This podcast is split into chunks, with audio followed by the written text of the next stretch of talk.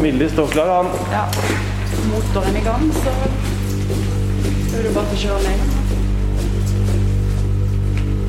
Dette er en litt annerledes Krimpodden-episode. Produsent Vilde og jeg er på Gardermoen. Halla! Vi er på vei til en ventende bil. Står du og dogger ned ruta? Vi skal møte krimkommentator Øystein Milli. Jeg har kjørt sånn issetter i Tyskland. Nei, München. Bli med på roadtrip i Krimpodden.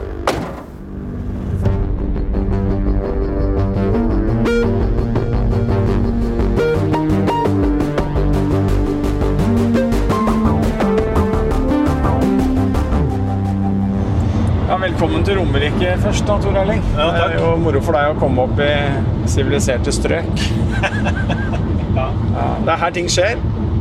Um, og det har jo skjedd mye Det har jo skjedd mye i 2020, og det har jo vært også en del saker som har uh, sitt utspring fra tidligere år, som har vært i fokus det året her.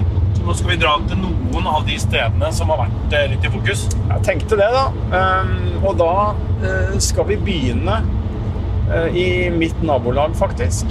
Ehm, vi skal begynne med en, en nyhetshendelse som eh, skapte store overskrifter, og som ble en, eh, en voldsom sak. Og det er eh, Petter Northugs eh, elleville kjøretur har et alvorlig rusproblem bestående av alkohol, narkotika og piller i forbindelse med periodevis hard festing. Og det har blitt mye hard festing i det siste. Og da eh, er det sånn, Tor Erling, at Northug kom da kjørende fra Trysil. Hadde vært eh, på en sommerskiskole, eh, instruert barn. Eh, har jo, hadde i hvert fall, eller ja, jeg vet ikke hva han har den enda, men han hadde jo en veldig rask bil. Og den bilen den fikk jo prøvd seg nedover E6 her som vi kjører nå. Audi. Det var ikke en Audi, det var vel en Porsche. Nei, han kjører ikke Porsche. Jo. Var det Taycan? Ja. Tror det. Tror det var en Porsche, gitt. Ok, det skal vi sjekke. Jeg må sjekke, men jeg er ganske sikker på det. Han kom her, som vi kjører nå. Ja. Altså, det Letohallen eh, på høyre ja, ja. ja, Det er mange som vet hvor det er. Du kjører 110. Jeg kjører 110. Jeg skal ikke dra opp i den farten han hadde, men eh, jeg vil jo tro at eh, politiet hadde fulgt den en periode. Eh, kommer nå inn mot eh, det som er faktisk kommunegrensa mellom Eidsvoll og Ullensaker. På lokal, eh, lokal så heter det her bare Daldumpa. Ok. Det skjønner du hvorfor nå, når du ser vi kjører ned en dump her. Ja. Ja. Her, eh, området her ble Northug eh, målt.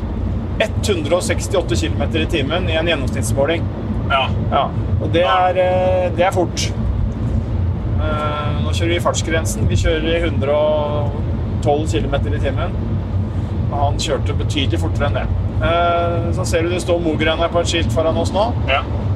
Her ble Northug da dirigert ned for å Man stopper jo helst ikke Prøve å komme seg av veien. ikke sant? Det er litt trafikkfarlig å stå med Sjøl en politibil og sånn, så er det litt Prøve å få det vekk fra E6. Det er høy fart, mye trafikk. ja. Sikkert det som var eh, årsaken til at politiet da eh, fikk han av veien. Så kjørte han ned her som vi eh, kjører nå. Så jeg sjekka den videoen eh, som ligger ute på VG-nett, og da er vi på plassen hvor, eh, hvor Northug eh, ble stoppa akkurat Så da ble de bare dirigert ut her, da, ikke Ja, de det sto faktisk akkurat her. Her, ja. Her. Den brøy, ser du den brøytestikka der? Ja. Som jeg stopper ved nå. Nettopp her. Her. Nei, Northug stoppa. Her eh, Førerkort og vognkort, takk. Ja, og et vendepunkt eh, i hans eh, eh, ville liv. Eh, ryktene hadde jo gått om at eh, det ikke sto så bra til. At den gamle skikongen eh, ikke hadde takla overgangen til eh, det sivile liv så veldig bra.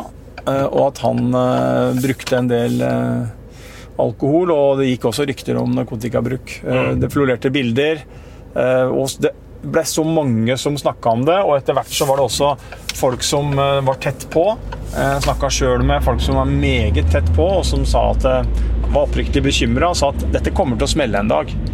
Um, og det gjorde det jo for så vidt. Um, han ble jo da stoppa i fart. Og så er det jo spesielle at politiet tok jo en prøve, og den prøven var jo positiv. Sånn at uh, man uh, Positiv på eh, på narkotika. Ja. Men de prøvene er veldig unøyaktige. Ja. Så han ble jo sikta for kjøring i, i ruspåvirka tilstand. Det nekta han på sjøl, Mm. og det viste seg jo at det var, det var korrekt, som han sa. Ingen narkotikapåvirkning i blodet til Petter Northug. Så, så det tror jeg var det tror jeg var et være eller ikke være i forhold til litt hans renommé. fordi at Hvis han hadde blåst nedover E6-en her i 170 km i timen nesten da, eh, på vei fra en sommerskiskole med barn, eh, og vært eh, rusa, så tror jeg folk hadde sett helt annerledes på han enn de gjør nå. Nå føler jeg at han er jo Nå kom jo nyheten om at eh, landslaget viderefører samarbeidet om brillene, Northug-merket. Eh, Til tross for eh, fadesen i 2014, da han ble tatt for promillekjøring og krasja Audien sin en rundkjøring i Trondheim. Dro fra ulykkesstedet, og en kamerat var skada, som var en veldig veldig stygg sak, selvfølgelig. Og, han lovte jo bot og, bedring og framsto jo veldig som en angrende synder. Og så kom den saken her seks år senere. Så var det veldig mange som var spent på om hvordan eh, folk ville oppfatte det. Hvordan eh, eh, Ja, han, er, han har jo en helt, helt unik posisjon i Norge som idrettsutøver. Kanskje på sitt vis den største av de alle. Vi hadde ikke så peiling på bil, fordi når jeg, sjek, når jeg sjekka her i Finansavisen at eh, det er en Jaguar. Jaguar, ja. Jaguar. Mm, ok. En, en ganske tøff Jaguar. Jeg vet hvordan han ser ut, og det var, er jo, jeg vil jo si at det er en, det er en rå sportsbil. Da. Ja, 575 hester, tror jeg. Riktig. Så den eh, sparker den. Men altså, han da avla en positiv prøve først, men så viste det seg at han ikke var ruspåvirka. Men det gjorde jo at politiet gikk hjem til han. Hvor, hvor- hvordan kunne de gjøre det, egentlig? Nei, Politiet kan jo da følge det som heter ferske spor. eh, Og når du da stopper en eh, mann eh, som kjører for fort, og så får du da utslag på en rus, positiv rusprøve, så har man grunnlag for å dra hjem og ransake. Og det gjorde man jo. Der fant man jo ti gram, tror jeg, ca. ti gram med kokain. Så det er jo også det straffbart, og det får han også en straff for. og det er jo det vi venter på nå, er jo at eh, den saken kommer til eh, sin ende ved at det blir en, eh, en straff. Og det er jo venta, og alt ser ut som det blir en såkalt tilståelsesdom. Det er en ganske eh, kurant affære. Er, eh, da må Northug tilstå uforbeholdent eh, og ikke være noen diskusjon om skyldspørsmål eller om man får et straffeforslag fra påtalemyndigheten som man må akseptere. og så møter man retten, og så er det ganske fort gjort. Eh, Så det blir sikkert eh, eh, Det skjer sikkert kanskje før jul. Tror du det blir et eh, Northug-comeback? Så han trener eh, eh, tidvis, i hvert fall, eller jeg tror kanskje hele tida, vanvittig mye. Har noen sinnssyke treningsøkter. Du snakker eh, om krim og langrenn, Øystein, eh, med like stor entusiasme. Eh, du blir kalt både krim- og langrennsekspert og har vært på VGTV på begge deler. Denne saken blander de to, da, på en måte? Ja, det er veldig Det er jo, det er jo sikkert eh, landets første eh, kombinasjon av de titlene der. Det har vært noe som har vært veldig, jeg synes det er veldig morsomt. Jeg syns det er litt morsomt sjøl òg. For det ligger veldig langt fra hverandre. Men det viser seg jo at det ikke behøver å være så eh, lang vei imellom likevel. Du fyrer opp bilen igjen, og vi drar videre til enda et sted som har eh, fascinert deg mye, Øystein. Ja, nå drar vi til et sted som jeg har vært veldig mange ganger. Klokken 11 i formiddag at politiet fikk melding om at tre personer var drept på en gård som heter Orderud i Sørum. Ser du det skiltet der, Tord Erling? Jepp. Der, nå skjønner jeg hvor vi skal. Nå er vi i eh, Sørumsand, og da skal vi selvfølgelig mot eh, Orderud gård. Yes, det er korrekt. Nå skal vi til Orderud gård. Her er det fortsatt spørsmål om uh, blir gjenopptakelse. da. Det er jo det som er uh, aktualiteten der. Det er jo levert en begjæring, og kommisjonen jobber jo med Orderud-saken. Og skal eh, i løpet av Det blir ikke i år, men neste år så skal kommisjonen avgjøre om Per og Veronica Orderud skal få sine saker gjenopptatt og behandla på nytt, eller at påtalemyndigheten eventuelt kaster korta og, og ned- nedlegger en påstand om, om uh, frifinnelse. Det siste er jo veldig lite sannsynlig, men uh, det er i hvert fall det som er mulighetene. Hvis du ser, hvis du ser det der eh, bygget der borte, det står, det står bunnpris, og så står det spenst. Ikke sant? Ja. Hvis du ser oppi eh, i annen etasje der, Ja. der det står Bankgården, ja. der ble ordresaken etterforska fra. Det var lensmannskontoret. Var det det, ja? Der satt de og gikk dem ut og inn her. da. Eh, satt jo vi og fulgte med selvfølgelig på plassen her. Ja. Løp til etterforsker ut og inn her hele tida og jobba da i eh, 99 med å prøve å finne svaret på Ja, det vi lurer på fortsatt, faktisk. Hvem det var som skjøt. Og så snakka vi om eh, dette 180-sporet, denne samtalen hvor det var en eh, mann som hadde ringt inn på forhånd og fortalt om hva som skulle skje på, på, på gården. Eh, og du har jo da funnet ut at det kan være Lars Grønnerød. Og hvordan vil det spille inn i denne eh, gjenopptakelsesbegjæringen? Eh, 180-samtalen har jo vært det statsadvokaten kalte for et gnagsår. I forbindelse med jobba med boka så dukka det opp opplysninger om, eh, om en Mauser. Det er jo sånn at eh, denne 180-mannen som ringte inn før drapene, sa til operatøren at han hadde et, et våpen, en gammel Mauser, som var uh, ombygd uh, og uregistrert. Um, og det er jo en opplysning som kan potensielt sjekkes. Og Jeg undersøkte bl.a. en del gamle dommer, og fant jo da ut faktisk at Lars Grønnerød i 96 var tiltalt for å ha nettopp en Mauser som var uregistrert. eh, Og som eh, stamma fra, fra første verdenskrig. Og så er jo spørsmålet som du stilte, Tor Erling, hvordan det vil påvirke gjenopptakelsesbegjæringa til Per Veronica. Det får vi se. Det er klart at På den ene siden så vil man jo da kunne argumentere med at da er det eh, Kanskje vil påtalemyndigheten si at det styrker dommen, fordi at eh, da er det en av de fire som ble dømt som også, jo, også ringte 180, som påtalemyndigheten ser det. Men man kan jo også eh, stille spørsmål ved Lars Grønnerøds troverdighet. Eh, Han eh, selv forklarte jo Nå er jo han død, men når han forklarte seg mordersaken, så sa jo han at han ikke gjorde noe som helst etter at han bytta et våpen, hevda han, med Per Orderud i april eh, 99. Men det er jo flere løse tråder, Tor Erling, eh, når det gjelder Orderud-saken. ikke sant? Og en, altså, det er jo flere ubesvarte spørsmål, og det største av dem alle er jo fortsatt da, hvem var det som skjøt? Det er én observasjon som ble gjort, og som dessverre etterforskerne undersøkte altfor dårlig. Og det eh, var en kvinne som dukka opp i et boligfelt i en bil. Den Bare noen timer etter at drapene skjedde, ble hun sett. Og nå skal vi reise for å se eh, på det stedet. Ser du det hvite huset der borte? Ja. Ja. De to som ligger ved siden av hverandre, Ja. og så ser du en terrasse. ikke sant? Der var det en trygd, form for trygdeboliger i 1999. Der bodde det en mann Ja. som het Nils. Han øhm, hadde en katt som het Anton, faktisk, som var øh, litt masete på morgenkvisten. Eh, og eh, 22. mai 1999, altså da tidlig om morgenen, det er da bare noen timer etter drapene skjer, så hører han en bil som parkerer eh, der vi skal stoppe nå. Så hører han to biler, bildører som slås igjen.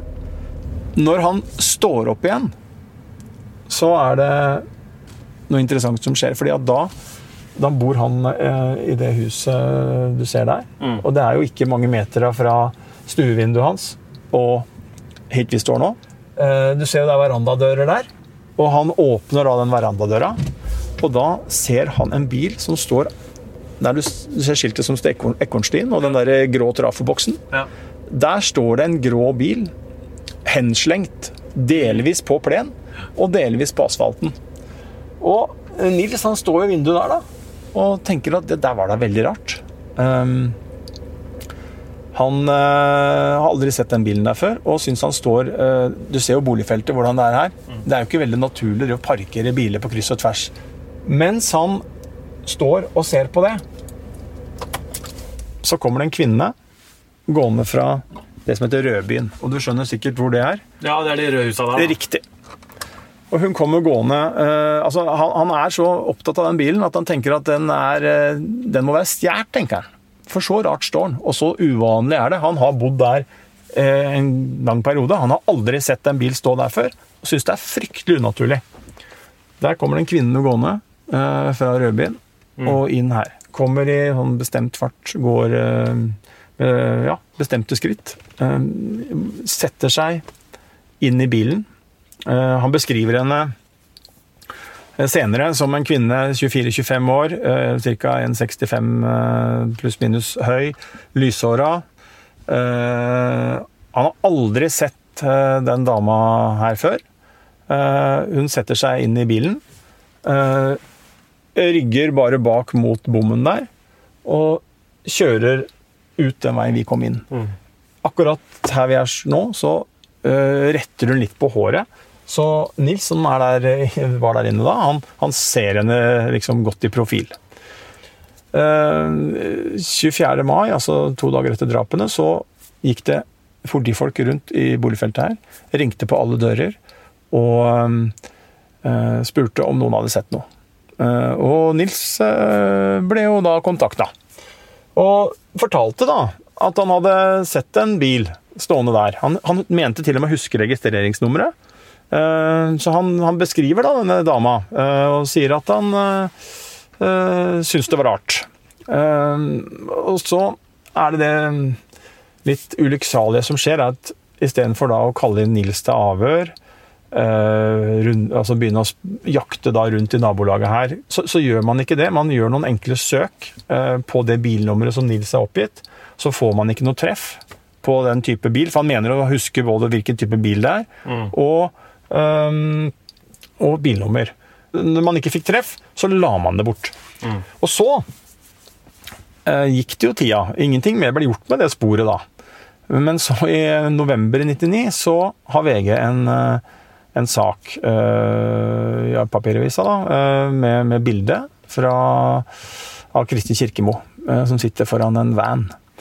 Og da tenk, eh, Dette leser Nils, og han ringer da til lensmannskontoret og sier at vet du hva, jeg, jeg, dere har jo ikke fulgt opp eh, det jeg kom med. Eh, Men, men nå ringer jeg nå, for jeg, jeg syns jo den dama som jeg så den morgenen, komme gående og ta den bilen, den mystiske bilen, som jeg aldri har sett etterpå. Jeg har ikke sett verken dama eller bilen etterpå, bare så dere vet det, sant til politiet. Men jeg syns den dama ligna veldig på Kristin Kirkemo. Eh, Og da ble han kalt inn til avhør, eh, og forklarer seg. Eh, Men da har det gått et halvt år, ikke sant? Og heller ikke da rykka man ut med noe etterlysning og på en måte og Vi kan jo ikke si at det var Kristin Kirkemo. Han sa bare at hun ligna. Det kunne være en som, og det er ganske mange som har lyst hår og er ja, 4-25 år og 1,70-65, vanlig høyde, vanlig hår, vanlig sveis, alt mulig rart. Men eh, man gjorde ingenting. Eh, etterlyste ikke den bilen, eh, heller ikke da, i avisene. Uh, og sånn sett så ble da det eh, sporet mm, ikke fulgt opp noe videre. Hun kom derfra. Eh, hvor havner vi hvis vi går i den retningen der, eh, som da blir vekk i utgangspunktet, sånn som vi står nå, så er det jo vekk fra Orderud gård. Eh, hvor er det hun kunne komme fra? Skal vi gå, da? Ja.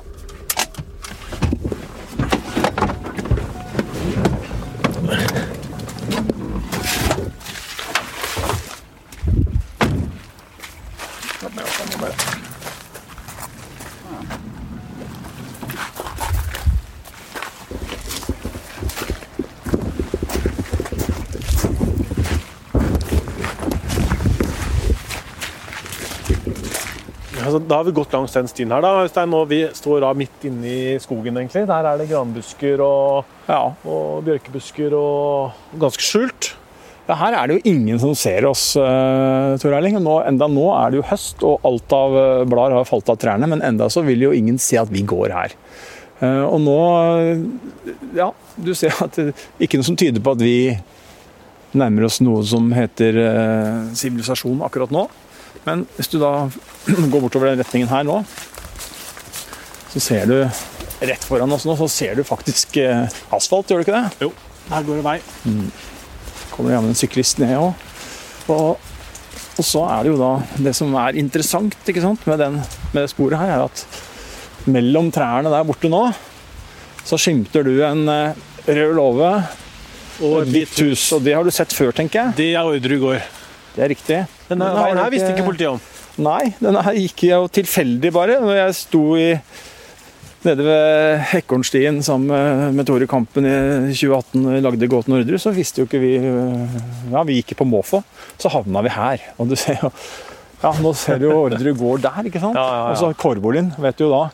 Er opp der. Ja, så nå, nå, fortsatt nå så står vi sånn at hvis det kommer en bil nå, så kan vi lett skjule oss.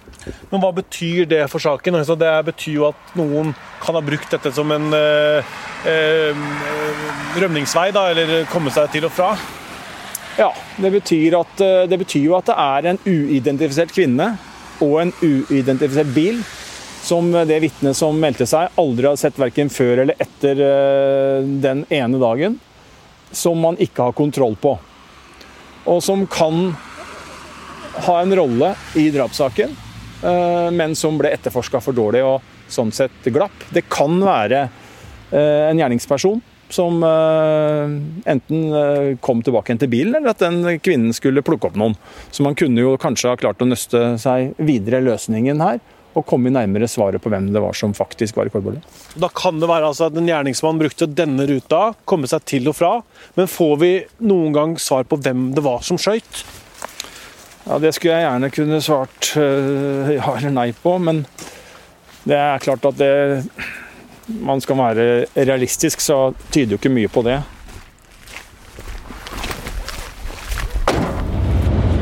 Jeg husker, jeg, husker jeg var eh, ung eh, journalist i lokalavisa. Da hadde vi egen reportasjebil, som det het. Og da var det sånn å bare sette på et skilt som det sto reportasjebil på, og så kjørte vi når vi hørte politi på politiradioen at eh, noe hadde skjedd. Det var sånn jeg kom inn i dette her, Øystein. Eh, Åssen Kjenner du deg igjen? Det var noe av det samme, ja. Jeg, vi hadde jo vi hadde jo døgnkontinuerlig vakt vi, med en egen utrykningsbil. Så vi kjørte rundt oppå Jeg kjørte rundt oppå Romerike her på, ja, med politiradioen. eh, Sov jo med den på nattbordet. Ofte på. Eh, slitsomt, ja, men eh, det ga jo uttelling i form av eh, noen saker. Og eh, en gang så var det jo et tog som holdt på å eksplodere i Lillestrøm. Da var jeg der. Eh, flystyrt, flykapring. Ja, det er eh, Husk på at Romerike er liksom eh, Der er det mye som skjer, og det gjorde at det var mye å, mye å dekke. Både, fly, ja, både flystyrt og faktisk da flykapring, ikke sant. Dette var på 90-tallet. Det var Skal jeg tippe at det var sånn 96, 95, 96, 97. Da var det to flykapringer på Gardermoen som landa på Gardermoen, eller flyene landa på Gardermoen. Eh, hvor det var for forhandlinger, og det var jo veldig dramatisk eh, Dramatisk eh, scener, det, altså. Vi har jo dekka en del rettssaker sammen nå, Øystein, i VG. Eh, Jeg kom jo inn i VG i 2008. Eh, Første saken min i VG, vet du, det var jo var jo da VG var der da lommemannen ble tatt i Bergen. Stemmer det. Husker vi måtte ha med en sånn nyansatt læregutt oppover.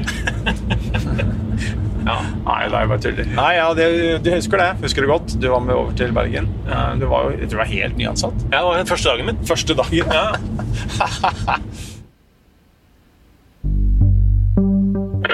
Politiet har fått over 1500 tips i saka om Anne Elisabeth Hagen, men ingen livstegn. Nå frykter politiet det verste. Etter hvert som tiden nå går, så mener vi at det er grunn til å, å betvile om eh, Anne Elisabeth Hagen fortsatt kan være i live. Skal vi gå, da? Ja. Og da står jo vi da på helt på grensa til huset til Så ser du Hagenhuset inn her til venstre. Det har jo blitt en nesten sånn ikonisk hus, ikke sant? Det er vel et av de husene som har vært mest i mediene de siste to åra. Det er jo en sak som det ikke går an å bli klok på, ikke sant? Midt i tjukkeste Lørenskog så er det altså en dame på 68 år som bare har ja, fordufta, forsvunnet, borte vekk. kidnappingsbrev. Ikke noen som veit hvor eh, liket er. Ja, Hvor står den saken her nå, da? To år etter? Nei, den står eh, Uff, ja, hva skal vi si. Den er eh, Vi står jo med en siktelse mot Tom Hagen. Politiet jobber tilsynelatende ut, med, ut fra at det er et motiv om en ekteskapskonflikt. At eh, motivet ligger der, bestrides jo på det sterkeste av Hagens forsvarere og han sjøl. Og så har vi denne såkalte kryptomannen som er fortsatt sikta, men som vi hører veldig lite om, og som kanskje virker som er lite interessant. da. Politiet jobber nok eh, for fullt og sier at de har håp om å oppklare saken. Eh, Hagen-familien har fortsatt mistillit. Eh, ingen av de som lar seg avhøre. Og eh, der står vi nå. Dette handler jo om et, et menneske, en, en eldre dame som er revet ut av trygge rammer i sitt eget hjem. Eh, sannsynligvis drept. Eh, I hvert, fall, hvert fall er hun død. Og eh, det at det kan skje, og at du ikke du klarer å komme til noe svar på hva det er som har skjedd, da, det er jo, det er jo fryktelig. Og nå har vi kommet oss over til metrosenteret, da, Øystein. Denne plassen er kjent. Ja, den er kjent. Ehm, Du ser den trappa der borte? Ja. Det er jo den trappa hvor denne såkalte hettemannen eh, kom gående ned. Og han eh, gikk da over plassen her, forsvant over brua eh, på andre sida her borte. Ja. Og så dukka han opp der, over riksveien. Ja. Og der hadde han jo en stopp ved en container. og det har jo sett mange som så, blant andre meg, som så det som veldig mistenkelig. Han så jo nesten ut som han hadde sånn maske på, som vi har nå. Det er verdt å merke seg at uh, ting som kan se ut som om uh, Det kan se ut som én pluss én er to. Uh, så er det alle noen ganger at det, det, det, det er ikke sånn allikevel. ikke sant? Det, det, det, det dukker opp ting som gjør at ting har en annen forklaring enn det du tror. Og så ligger løsningen et helt annet sted. Eirik Jensen, født 30. juli 1957, blir dømt for brudd på straffelova 1902, paragraf 162 første ledd. Her, ja. Her har det skjedd ting, vet du, Tor Erling. Hvorfor stopper vi her? Nå er vi eh, i Lørenskog, eh, et lagerbygg. Og her, nå er vi på Eirik Jensen-saken. Her eh, fant eh, politiet eh, et større hasjbeslag. Gjorde et større hasjbeslag. Eh, og det som var spesielt da, var at i forbindelse med at det beslaget ble gjort, så sendte Eirik Jensen en av sine mange, mange meldinger, omstridte meldinger, til Gjermund Cappelen. Hvor han skrev at eh, en mann i grøfta, jeg skal sjekke skadene, eller noe sånt. Eh, og påtalemyndigheten mente jo at det var en, et varsel om at eh, det har gått skeis med et uh, hasjparti, og at man eh, trengte tid og skulle undersøke om dette var et hasjparti som Gjermund Cappelen. Altså sjekke skadene, se om det var Cappelen som var skadelidende, eller om det var andre uh, narko, narkoligaer. Eh, det bygger påtalemyndigheten på Gjermund Cappelens forklaring, annet. Eh, og det er vel en av de meldingene som var sentrale i disse rettssakene. Maratonene vi har hatt mot Erik Jensen. Tre rettssaker.